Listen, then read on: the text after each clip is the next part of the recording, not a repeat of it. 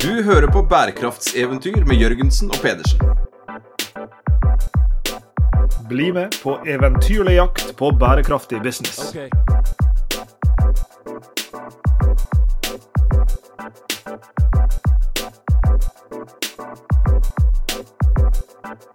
Noen ganger Sveinung, så spiller vi en episode av Bærekraftseventyr som er planlagt lang tid i forveien, og avtalt med folk med travle kalendere. Og Av og til så er jo det sånn med folk som har travle kalendere, at en kan få tak i dem på kort varsel.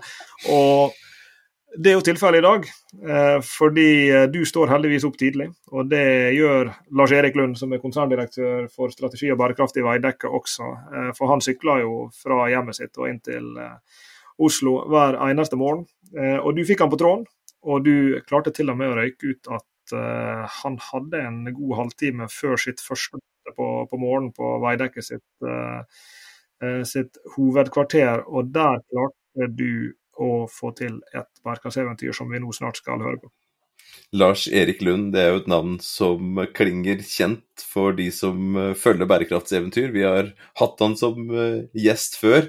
Han har jo også figurert mye i både media og sosiale medier pga. sin person. Han var NHH-alumni, årets NHH-alumni i, i, fjor. Han har markert seg veldig tydelig, og det kan dere høre på den forrige episoden vi hadde med han, på dette er den sosiale bærekraften. Og, og Episode nummer 062, 'Mangfold, inkludering og verdiskaping', heter den episoden. Som handlet nettopp om, om det, hvor han har vært veldig tydelig, en, en tydelig stemme. Uh, og så har vi hatt lyst til å snakke med han mer om si, dagjobben hans. En stor dagjobb, nettopp som uh, direktør for strategi og bærekraft i, i Veidek. Ja, fordi etter den samtalen vi hadde med Lars Erik sist, som handla jo om et veldig spennende og veldig viktig tema, nemlig det som handla om ulike typer mangfold og inkludering i arbeidslivet Eh, så satt vi jo igjen med denne følelsen som en alltid gjør med flinke folk, at å, her var jo masse som var usnakka. Og blant annet det som er temaet vi snakka aller mest med Lars Erik om de siste åra. For Lars Erik var jo eh, en av deltakerne på, på det første kullet av vårt executive-program Sustainable Business Strategy, hvor vi nettopp er avslutta kull to. Og i disse dager eh, tar imot søkere til, til kull tre, som starter på andre sida av sommeren. Um, og, og, Det som, som, var Lars Erik sitt store sånn brennende engasjement inn, inn, i det programmet, og som vi har snakka med han om i uh, alle mulige slags etter den tid, det, det er jo et spørsmål rundt liksom, sammenhengen mellom, eller liksom, hvordan lykkes med å, å, forene bærekraft og lønnsomhet, og spesifikt å gjøre det gjennom nye forretningsmodeller. Eh, andre måter å tenke business på. Og når en ser på Lars Erik sin praksis både i Veidekke, men også i andre roller han har. Han er jo nylig blitt styreleder i UN Global Compact, som vi også kommer inn på i, i samtalen. Eh, han er, sitter i styret i heter det Norske Byggallianse. Nå ble jeg på Grønn Byggallianse. Grønn Byggallianse, tusen takk. Og, og, er på ulike måter også involvert med, med, med startups og sosiale entreprenører osv. Så, videre. så Så har jo han denne siviløkonomens teft for business kombinert med dette brennende engasjementet for både sosial og miljømessig bærekraft. Så Det som vi derfor inviterte Lars Erik til en prat om eh, i dag, det var jo alle disse tingene knytta til nettopp det. Hvordan lykkes med å virkelig gjøre byggebransjen som Veidekke tilhører, bærekraftig. Hvor er business caset for å gjøre noe sånt? Hvordan får de det til i, i praksis, med innovasjon både som er liksom, kanskje styrt fra toppen dels, men som også skjer der nede på, på, på byggeplassen? Um, og, og, alle disse spørsmålene rundt det, hvordan ser fremtidens business ut uh, for byggenæringa og også mer generelt. Så er det en tilleggsdimensjon der. En ting er dette med bærekraftig og lønnsom, men uh, Lars Eriks snakker jo ofte om, og vi fikk lov til å snakke om det i dag, vi også, og skal snart dele det med uh, dere, kjære, lyttere. Uh, hva med den bærekraften som er viktig, men som ikke nødvendigvis er lønnsom? Eh, hvem skal ta ansvar for det, hvordan gjøre det. Det diskuterte vi også med han sist gang. Den der sosiale dimensjonen, det å, det å integrere folk, ansette folk i virksomheten som, som kanskje har en eller annen form for psykisk lidelse. Eh, som gjør at de ikke i alle perioder er like effektive. Eh, bare for å ta ett eksempel.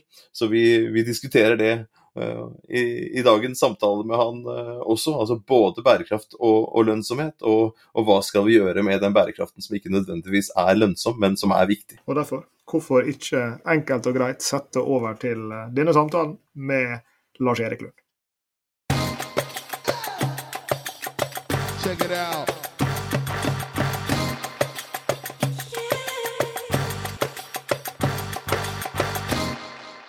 Du vet den deilige følelsen Sveinung, når du er invitert i en, um, en eller annen sånn jobbmiddag eller greie, reception eller hva det måtte være, og så tusler du inn, så du har egentlig mest lyst til å gjemme deg i baren alene.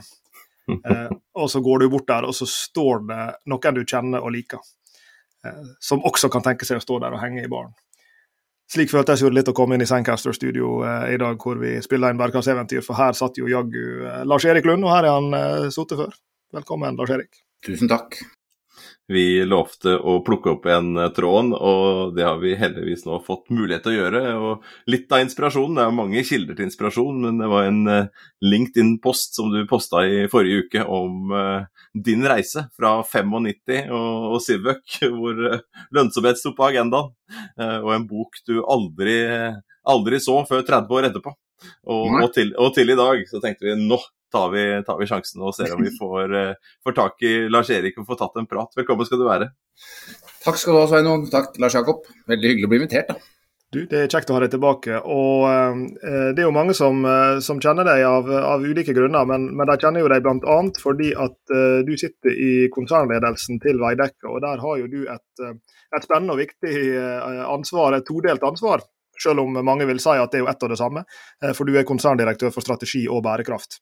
Og Sånn har det jo ikke alltid vært, i, verken i din bransje eller i andre bransjer, eh, at eh, bærekraft eksplisitt er tatt inn i en, en strategidirektør sin, sin rolle.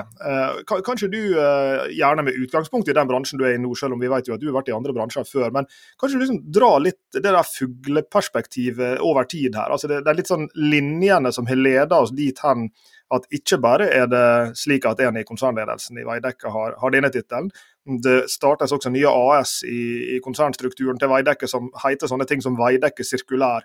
Og Sånn har jo ikke verden alltid vært. Sånn var ikke verden når du gikk ut av NHH som siviløkonom i 1995. Eh, kan ikke du dra litt denne linja der? Ja, altså jeg har, jeg har ikke vært med på hele bærekraftsreisen til Veidekke. Jeg.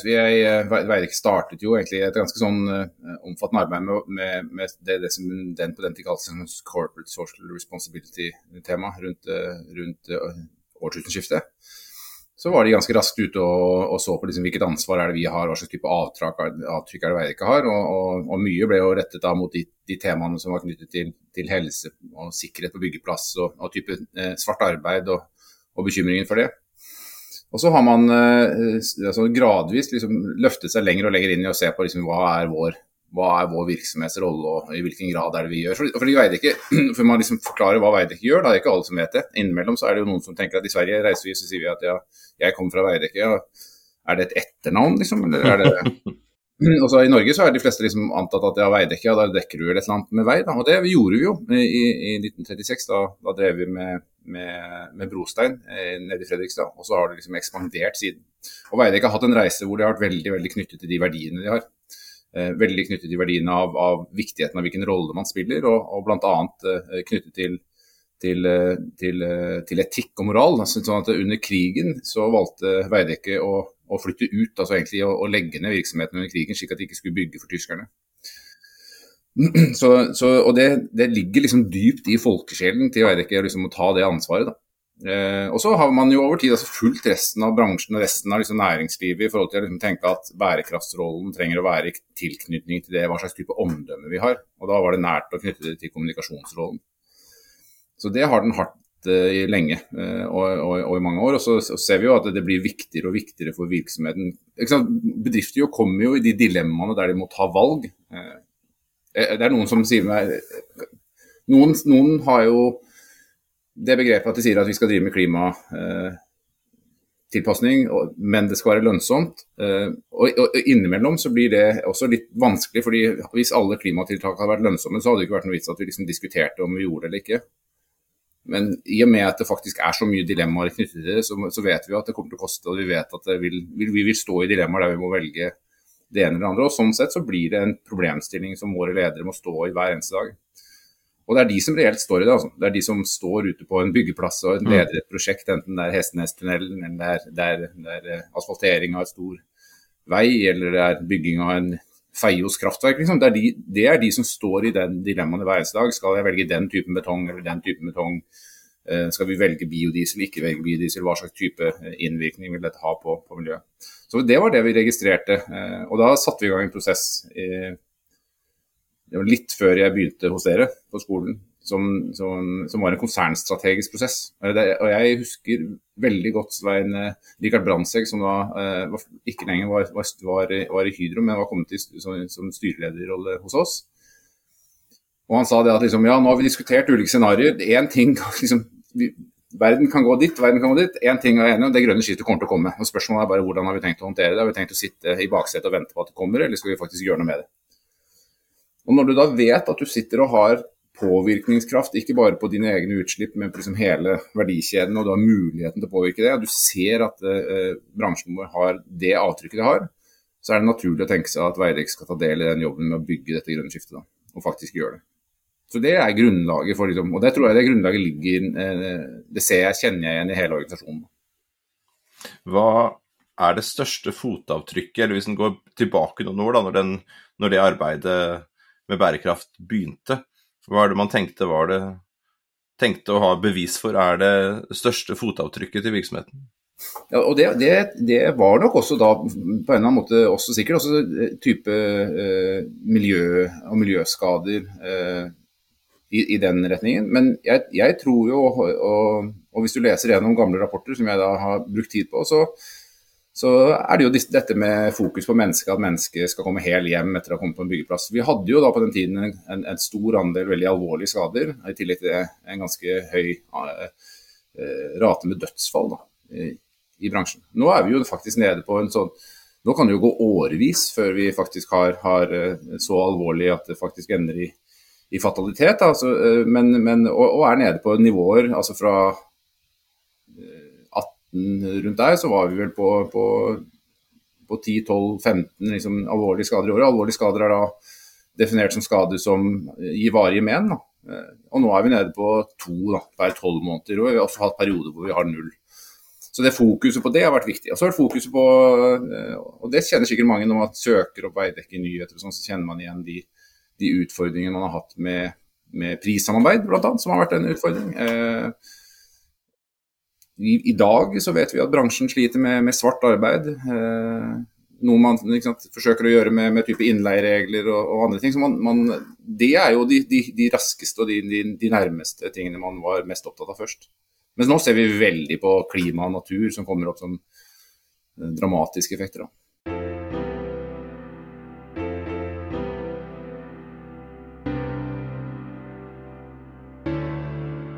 Noe som vi har hatt gleden av å diskutere mye med deg og, og mange av våre felles venner, Lars Erik. Bl.a. i det året du var med på executive-programmet vårt, Sustainable Business Strategy. Det var jo til spørsmålet rundt ja, det som ofte kalles the business case for sustainability. Ja, hvis, du er, hvis, du har et bedriftsøkonomisk blikk på verden, hvorfor i all verden skulle, skulle en, en ta, ta, bærekraft på alvor?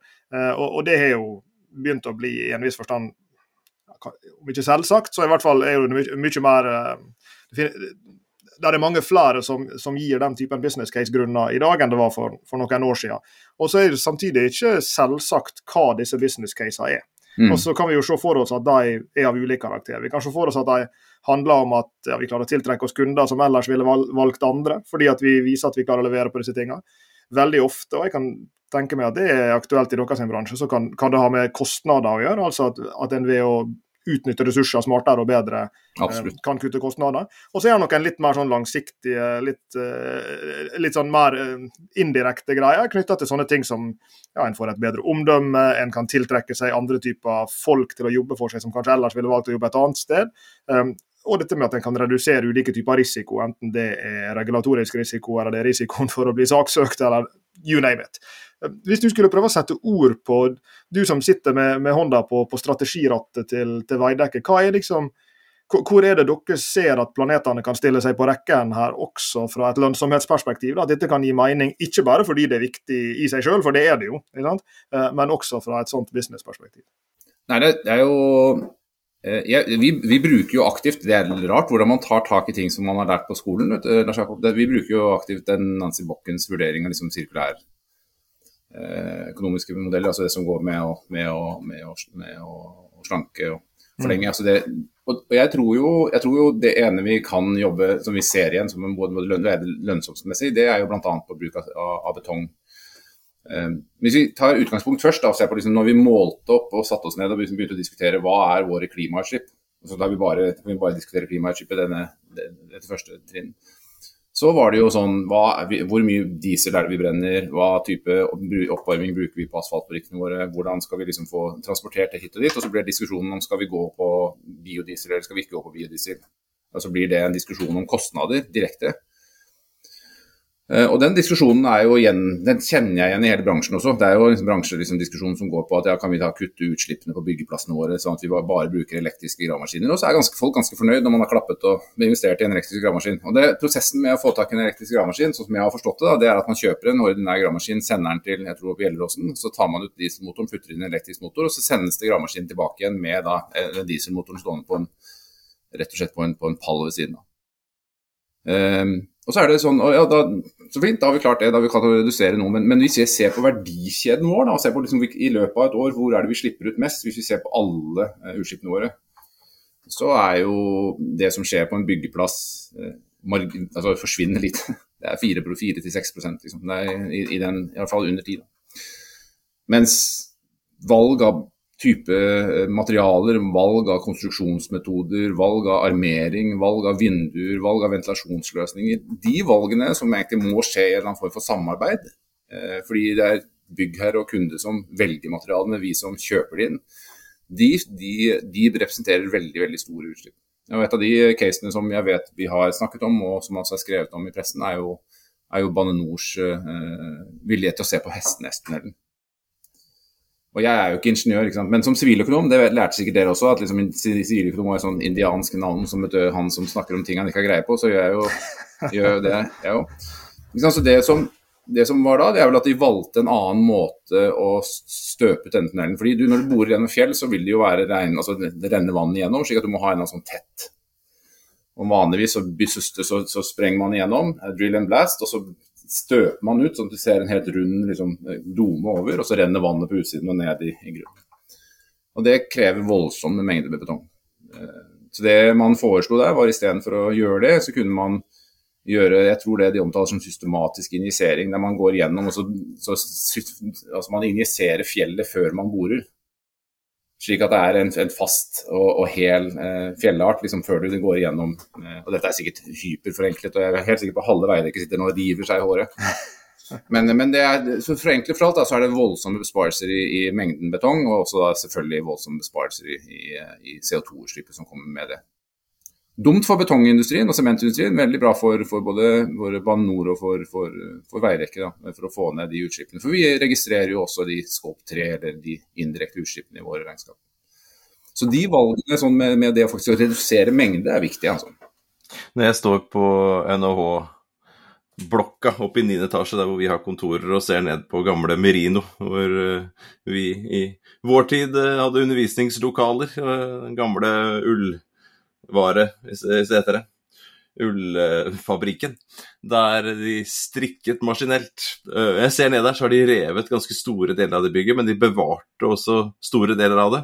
Og så syns jeg det er utrolig gøy å sitte og se ned på byggeplasser. Mm. Det er så mye mennesker, det er så mye koordinering, det er kraner og det er sement, og det bygges og reises. og det, er så mye som skjer der, og det er så fysisk. Og så, så ser, man også rundt i fjellområdet rundt der, da, hvordan de borer og sprenger og, og legger på sement, etter mitt eh, skjønn, da, for å sikre ting, og, og, og det graves ned og legges rør. Alt virker så fysisk. Så tenker jeg, hvor stort potensial er det egentlig bygge bygg på en mye mer miljøvennlig måte. Hvis vi sånn, tenker sånn 2050, da.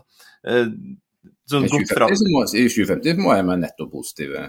Ja, ja, men er, er, det liksom, er, det virkelig mulig? Det er så fysisk. Det er så, det er så det, jeg, jeg, kan skjønne litt sånn, kall det liksom metafysiske prosjekter eller prosesser hvor man da Nei, vi digitaliserer dette her. Ja, ja. Og så sørger for at disse datavarehusene de, de, blir drevet på en eller annen eh, med, med fornybar energi, da, så, sånn at det ikke er så mye utslipp per klikk. Og så, og så, løser vi da musikkproblemet på en annen måte. Før så hadde vi fysiske plater, nå strømmer vi det.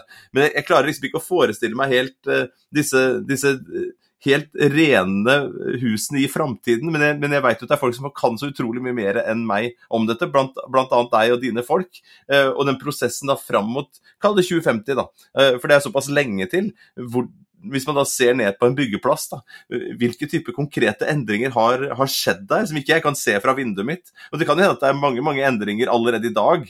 Bare det å bevare en tredjedel av dette bygget, eh, og, og, se på hvordan de har jobbet med å, å rive det gamle, spyle ned, lempe altså, Det er utrolig mye arbeid da, i, i, den bevaringen. Så står vi da oppe i vinduet og diskuterer med kollegaer.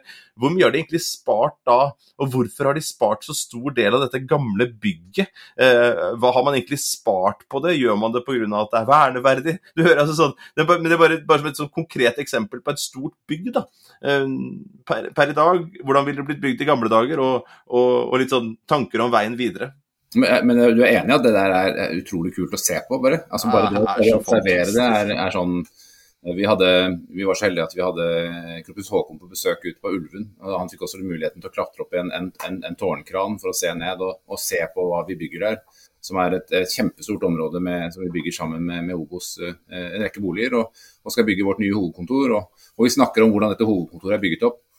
Og jeg, jeg skjønner jo, liksom, fordi altså, byggeplasser er for de som, Hvis du virkelig dukker inn i liksom, diskusjonen om byggeplasser, så er det så masse elementer i det som er spennende. Altså, det, er, det, er, prosjektbasert produksjon med midlertidige lag. Det sier at det er så langt fra fabrikkproduksjonen du kan komme. Så langt fra å justere ting som du kan komme, så du er helt nødt til å ha avhengig av å ha mennesker som står på byggeplassen som forstår og kan ta de kloke valgene underveis. Og så er det, eh, Hvor langt har vi kommet? Jeg tror at Hvis du hadde spurt Sigmund Fånes, eh, en av mine kolleger i Trondheim, så ville han sagt at eh, vi i dag har teknologi til, til å, å, føre opp de samme byggene som vi gjør i dag, med, med halvparten av utslippet. Eh, og jeg tror at, eh, og det, det, tror jeg han sa for et par år siden i en TED Talk. Jeg tror vi er kommet lenger enn det i dag. Eh, og så er det sånn at Et bygg skal jo stå en periode. sånn at det vi jobbet med, med vi et, eh, Sammen med Sintef eh, så fikk vi muligheten til å bygge det som er deres Zero Emission Building Laboratorium, som er et laboratorie i tilknytning til, til Sintef i, Trondheim. Og som er et, et, et, ekstrembygg, hvor rett og slett hvor når du regner gjennom bygget, så må du regne gjennom hvor mye utslipp og energi bruker du når du produserer det i hele verdikjeden. Og så må du avregne det hvor mye energi klarer du å produsere i den perioden bygget skal stå. Og det er rett og slett et nullutslippsbygg. Altså period, ferdig.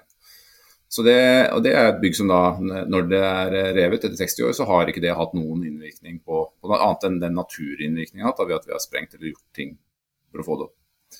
Så vi er der. altså Vi er jo der at vi har muligheten til å gjøre det. Og, og diskusjonen blir alltid liksom i forhold til eh, eh, hvordan skal vi gjøre det. Fordi det er alle ideer om hvem er det som skal ha mest mulig avkastning av dette prosjektet, og hvem skal tjene mest mulig penger, hvem, hvem skal sitte igjen med ideen om hva som er gjort, og alle disse tingene.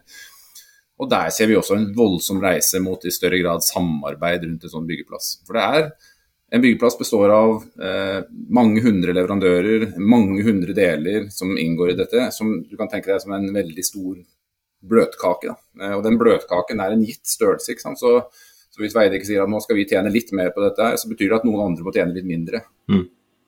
Eh, og Sånn har vi jo diskutert klima også på en byggeplass. Vi har liksom sagt at vi skal liksom fordele dette. Men, men, vi er nødt til å begynne å se på hvordan vi skal bygge den kaken litt mindre. da. Og Det betyr at vi er nødt til å se på helt nye, nye temaer. Og det blir, altså type, vi, vi, slår jo ned spunt, det vet dere sikkert hva er. Sånne plater, sånne stålplater som du dunk, dunk, dunk, slår ned i bakken for å få et fast grunnlag til å kunne holde vann ute og holde massene ute når du bygger. De kan vi nok, i, i, i ganske mange tilfeller kan, kan, de trekkes opp igjen når vi er ferdig i bygget. Men det gjør vi ikke. Rett og slett fordi at eh, LCA, den måten vi måler klimautslippene, ikke omfatter også, også det. Da. Eh, så, og da, da, kan vi begynne å tenke på andre forretningsmodeller. Hvem er det så, fordi når vi, Sånn som det er i dag, så selger vi spunten, de stålplatene til, til byggherren, og byggherren eier de. Hvis vi isteden hadde leiet de, så hadde det vært opp til oss å liksom, ha en insentiv for å faktisk trekke de opp igjen. Og Det var det som var så inspirerende med å sitte med studier med dere. er jo er jo ikke liksom å sitte og høre å, det finnes en teknologi som gjør at det både er rimeligere og mer miljøvennlig. Hei, la oss ta tak i den. Men det at det finnes måter å skru på en forretningsmodell til å se på hvordan kan vi se på den forretningsmodellen litt annerledes, og kanskje kunne gjøre ting på en smartere måte, der vi kan redusere mengder, der vi kan få ting til å vare lenger, der vi kan eh, ha insentiver til å trekke og ta det tilbake igjen. Så det ble så reelt da for meg. Så det som var så voldsomt med, inspirerende.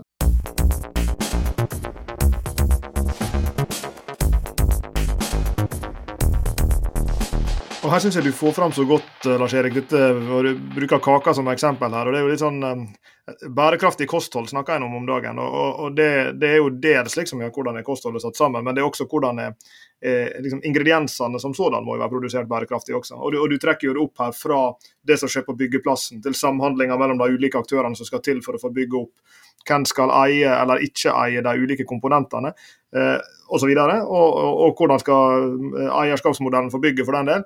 Men så helt ned da på ingrediensnivå. liksom Bringebæra til kake som skal oppå kaka, hvordan er de produsert. Mm. Og I dette tilfellet så var vi inne her i stad på, på, betong, eh, og jeg klarer ikke å dy meg fra å, å eh, be deg fortelle litt om en ny eh, venture i, i Veidekke som heter Veidekke sirkulær. Sveinung og jeg fikk være med på, på lanseringa og dette ble offentliggjort borte i, i Oslo tidlig en, en morgen.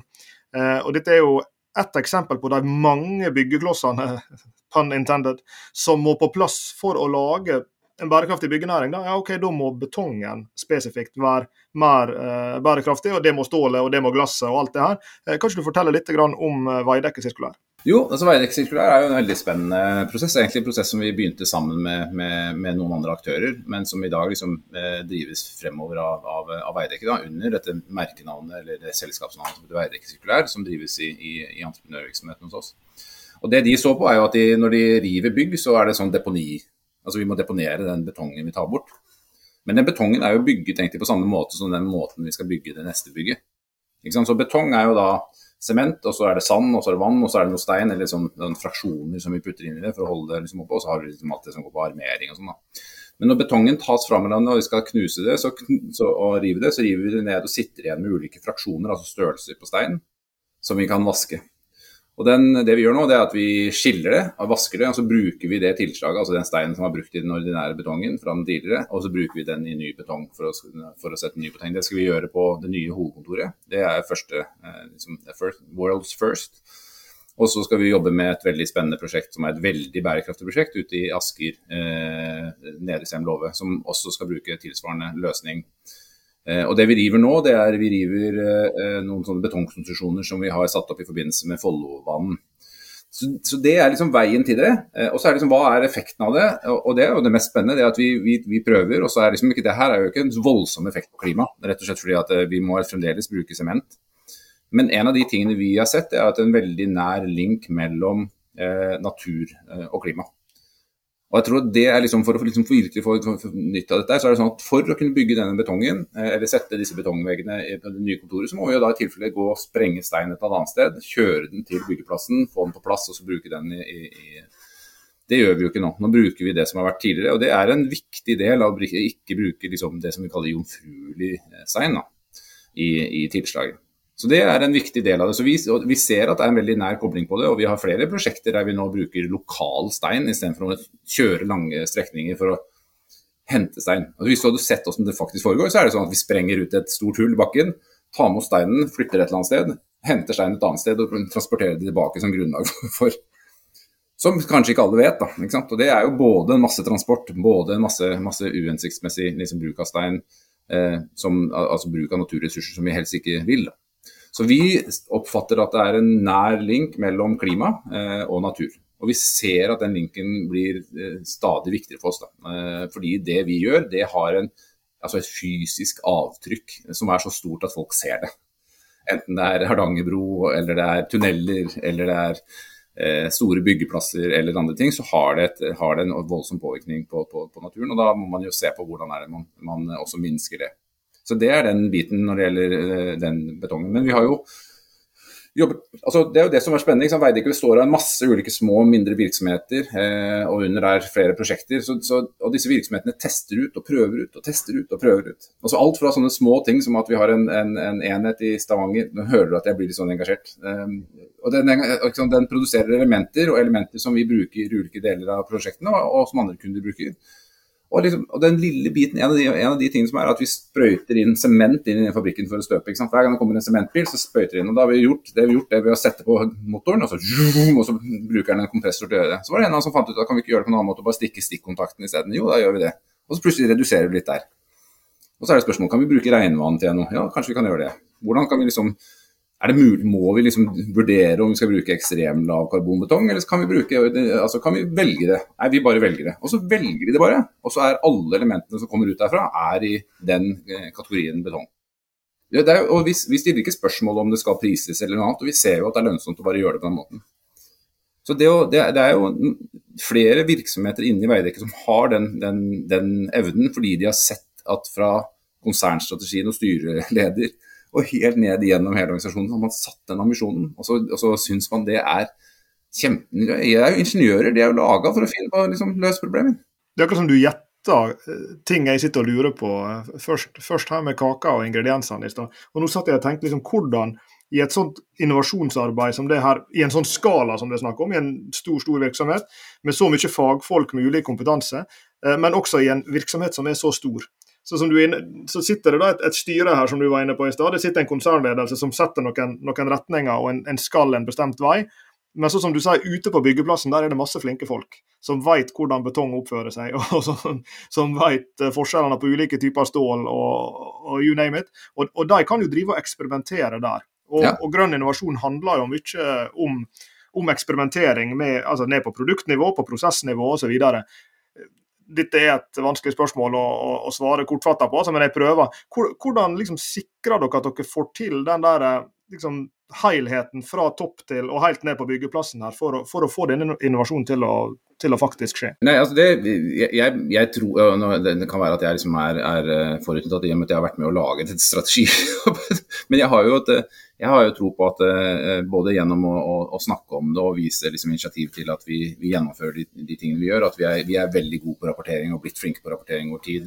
Um, så, det temaet ligger der. Og så, en, og så er jo vi en virksomhet som i motsetning til veldig mange andre som kanskje er styrt, styrt uh, sentralt, da, hvor liksom vi, dette er det tingene vi gjør, gå ut og gjør det, så er vi i større grad laget sånn at uh, vår virksomhet i Stavanger eller vår virksomhet i Bergen eller Stockholm, hvor det skal være, det er de som er i kontakt med kundene. Det er de som hver eneste dag har liksom dialogen med, med, leverandørene som skal gjøre det. Det er de som skal gjøre jobben. Det blir utrolig vanskelig hvis det er en eller annen på sjette etasje som skal bestemme at ja, det er den innovasjonen du skal gjøre. det er den innovasjonen. Så vi har jo eh, mulighet til å inspirere. Vi har mulighet til å, å dele eh, tanker og ideer fra ett sted til et annet. Vi har mulighet til å liksom gjøre den, men vi har veldig vanskelig for å gå inn og si at dette er det vi skal gjøre, dette er sånn vi skal eh, jobbe med det. Men det at vi har dataunderlag og, og, og, rett og slett har et kunnskapsunderlag som gjør at du kan si at ja, men vet du, det er viktigere med betong enn nødvendigvis å liksom få bare elektriske gravemaskiner. Vi har mer påvirkning her enn her, vi kan jobbe disse tingene. Det er jo dataunderlag som vi har samlet inn, som gir de et, et grunnlag for fakta, kunne ta de beslutningene som de gjør. Sånn at Når asfaltvirksomheten tenker seg om og, og, og, jobber med dette, så ser de at okay, vi vet at de største utslippene skjer når vi skal legge asfalt, nei, eller når vi skal faktisk varme den opp. De to tingene må vi se på. Rett og slett fordi de har faktaene til å gjøre det. Og Det tror jeg er, tror jeg er liksom linken mellom rapportering og, og, og, hva de gjennomfører. Jeg, eh, og jeg kan ikke annet enn altså jeg, jeg, det er nesten sånn at jeg kunne hatt pod, kunne sendt, eh, Dere kunne hatt ett år daglig podkast med mennesker i den organisasjonen som ikke sitter liksom i strategiroller, altså som sitter ute i produksjonen. Enten ved at de, de får til samarbeid med Fontenehuset eh, for å få til eh, et partnerskap der, eller de jobber med, med å få renset eh, liksom, ulike teglstein for bruk i nye konstruksjoner, eller de jobber med å teste og etterforske og finne ut om vi kan bruke den formen for sement i, i den formen for elementer, og dermed kunne ta ned utslippene for kunden. Og I et samarbeid med kunden som er så, så tett at de faktisk diskuterer det hele tiden. Det finnes altså så mange eh, som gjør at du, du, rett og slett kan eh, Det er vanskelig å ikke, ikke, ikke forstå eh, og ikke eh, bli veldig inspirert da, daglig. Liksom, hvordan kan jeg hjelpe de enda mer? Og så er det jo sånn og det, det, er det siste biten av det. det er jo at når man, når man, nå snakker med andre innovasjonsmiljøer, så ser vi for første gang at er, bygg og anlegg får en større og større plass i det. Og Det tror jeg er, det er veldig veldig gledelig, bl.a. hos Startup Lab, og, og, som nå er satt i gang Startup Lab Construction. Der, jo, der, der, ser vi jo igjen og igjen. Og vi kan tilby liksom testarenaer Eh, vi har 600-1000 byggeprosjekter gående til enhver tid. Det er klart vi kan eh, gi dere pilot- og testingarenaer for å liksom gi muligheten for å finne ut hvordan, hvordan, de skal få impact i sine løsninger.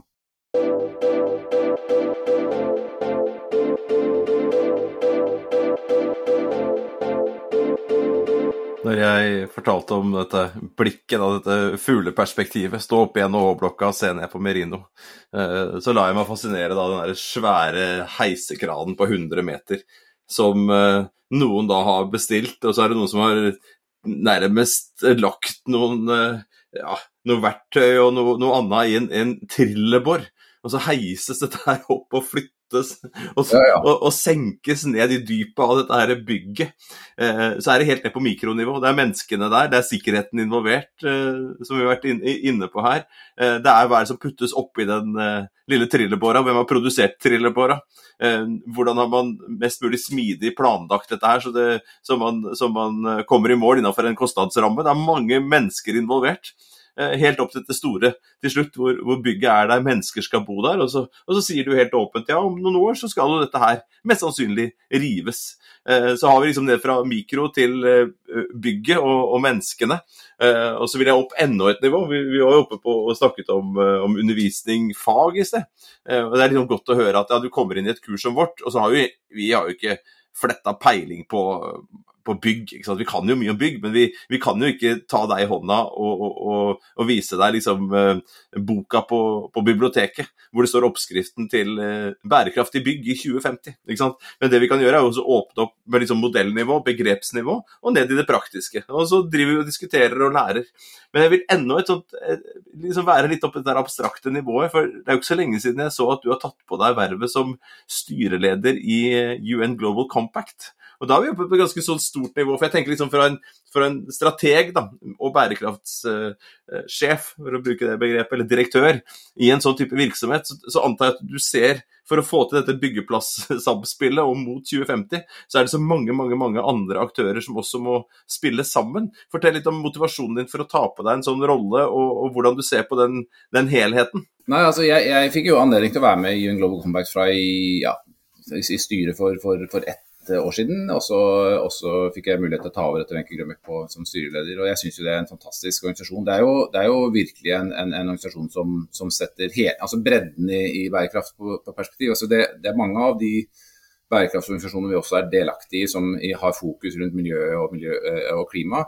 Mens UN Global Compact har hele. Eh, og det, det setter jeg veldig pris på. Så setter jeg pris på at det er ulik størrelse virksomheter ulike eh, i medlemskapet, sånn at det er så bredt eh, anliggende. Og jeg, akkurat sånn som det du sier, jeg tror jo at eh, en av de tingene som vi må gå bort fra, da, det er at når vi fokuserer for mye på hva kan vi kapre ut av eh, jobbene vi gjør, eh, så glemmer vi hva vi kan skape. Og dette er jo veldig konseptuelt, da, men, men Ja, jeg, det er min feil i så fall. innimellom så blir det sånn at jo, hvis vi tenker at vi kan, vi kan kapre mer uten å bredde liksom, diskusjonen mer, da, uten, å, uten å tenke at vi kan skape mer, så, så blir det sånn at vi, vi egentlig bare biter av hverandres eh, liksom, verdikapring. Altså, det blir mer til oss, men det blir mindre til andre. Og jeg syns jo ofte at vi, vi snakker på den måten eh, litt annerledes. da. Eh, og jeg syns vi må begynne å snakke på en måte som gjør at vi, eh, ha, vi, må, vi, skal løse dette sammen. Det er ingen av oss som kommer til å vinne dette racet alene, liksom. Altså Hvis Veidekke legger ned i morgen, altså uten slutter å produsere, så vil det ikke gjøre et døyt for klimaet. Men så, så det, det det dreier seg om, er å se på hvor stor impact er det jeg har. Hvor mange kategorier, hvor mange mennesker, hvor mange enheter kan jeg være med og påvirke til å være med på den reisen.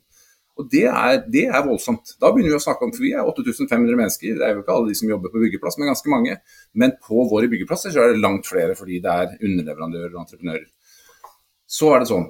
Måten vi tenker på det ofte, det er jo at eh, og nå snakker jeg for alle entreprenører, det er ikke oss alene, altså, men det er sånn at vi skal bruke vår kjøttmakt til å sette krav på leverandørene våre.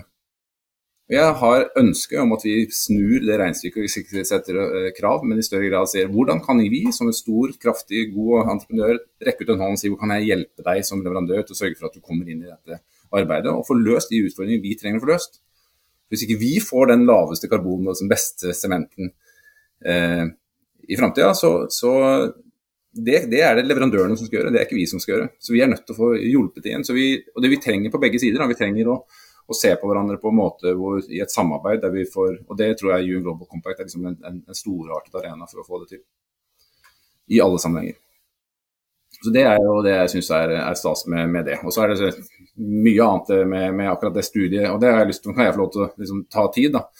Det studiet, det er jo på en eller annen måte så er det det å kunne ta seg fri eh, litt fra den verden vi opererer i hver eneste dag, og kunne diskutere med mennesker som har andre perspektiver på samme type problemstillinger. Eh, det har ikke bare vært givende i løpet av ett år, men i tiden etter. Altså, det, er en, det er ikke en sak jeg ikke sender av gårde enten til Lars Kristian eller til, liksom, så, eller til Danat eller hvem det skulle være. Liksom, som er liksom, ja, hva, hva, tror du om dette, er du enig i dette, hvordan kan vi diskutere det? Den diskusjonen, at man har den arenaen til å diskutere disse problemstillingene, det har for meg vært helt uvurderlig. Du henviser her til eh, kull kompisene dine på, på kull 1 av Sustainable Business Strategy, og, og jeg så um, med litt varme i hjertet så så jeg på, på intervjuet med Global Compact når du, når du tok den rolla her, så, så, henviste du til, til, dette programmet som du har tatt med. Så sa du en ting til, og det var at egentlig skulle jeg jo helst tatt Sivøken på nytt. Eh, fordi nå, nå, er jo jeg der at jeg kunne kunne fått enda mer ut av det. Det har jeg ofte tenkt på sjøl. Hva i all verden dreiv jeg egentlig med mens jeg tok uh, siviløkonomgraden min, min back in the day? Du spilte vel plate på Landmark, gjorde du ikke? På natta? Det er en viss, viss fare for det. Uh, men, men, men, det er jo noe i, i det her nye så nå skal jeg løfte det enda et hakk på abstraksjonsnivå her, for du er tilbake igjen. Du ble årets alumni på, på NHH i, i fjor. Du er her Eh, hyppig og, og samhandler med folk her på huset. Så Én ting er jo executive-programmene våre i Sustainable Business. Men sånn, en ting er hvis du skulle tatt Sivøken på nytt, men hva er det, hva det Civuc-graden trenger? Altså Når du nå ser på din egen og Det er jo altfor tidlig i livet til å se tilbake igjen, men når du ser den, den, den uh, veien du har tatt så langt, da, fra en Sivøk i 95, som du skrev i denne LinkedIn-posten, og til nå, og så ser du at ok, her er, her er noen puslespillbrikker som må flyttes rundt på. Hva er det Civicene som trasker rundt i korridorene på bygget jeg sitter her nå, eh, trenger for å komme ut og hjelpe både Veidekke og pushe de, den veien de skal. Eh, hjelpe UN Global Compact å få til det samarbeidet og de alliansene som de forsøker å få til. Eh, hva er Sivøk 2.0 her, som, sånn du ser den?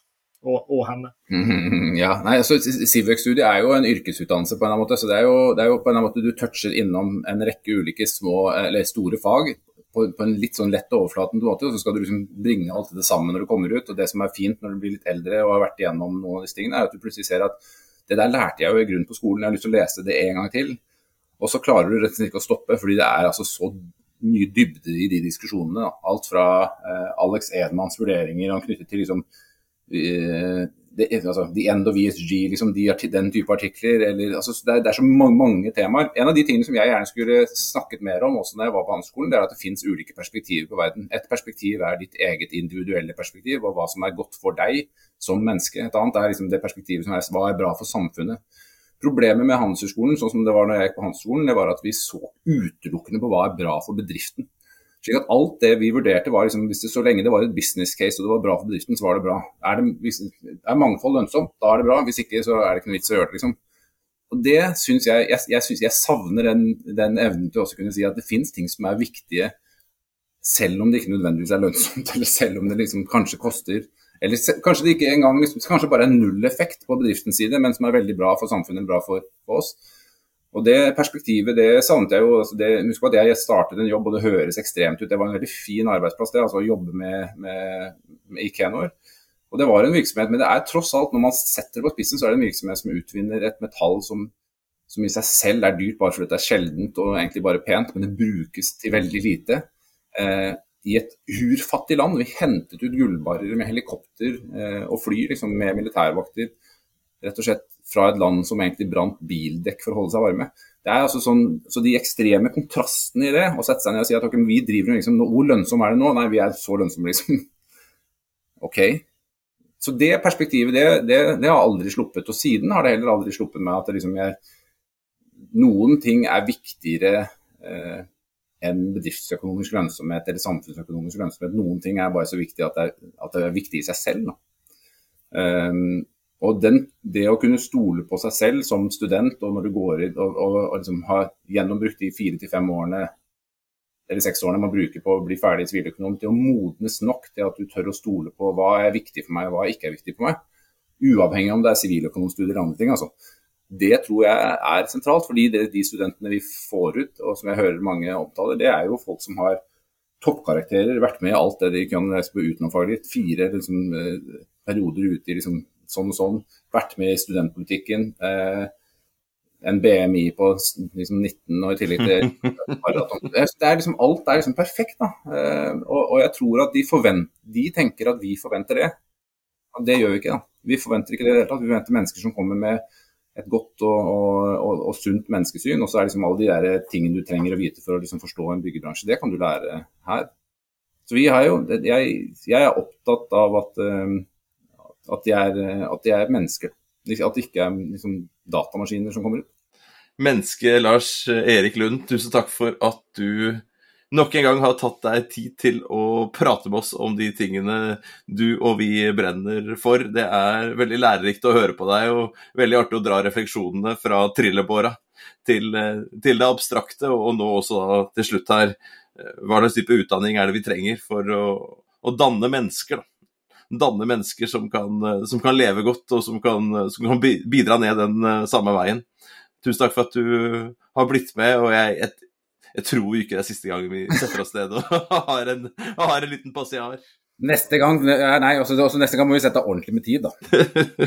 vi har jo bare så vidt skrapet borti. Nei, det er, det er altså så koselig og hyggelig å snakke med dere. og Det er en fin, fin start på, en, på, det som ser ut til å bli en veldig fin helg. Også. God helg, og takk for praten. Takk skal du ha. Du har hørt på Bærekraftseventyr med Jørgensen og Pedersen. Send e-post til eventyr.krøllalfa.jorgensenpedersen.no for å stille spørsmål eller komme med forslag til tema for fremtidige episoder. Og besøk jorgensenpedersen.no for mer informasjon om denne podkastserien. Okay. Derfra kan du også fortsette samtalen med oss i sosiale medier på Twitter, Facebook, LinkedIn, YouTube og andre steder.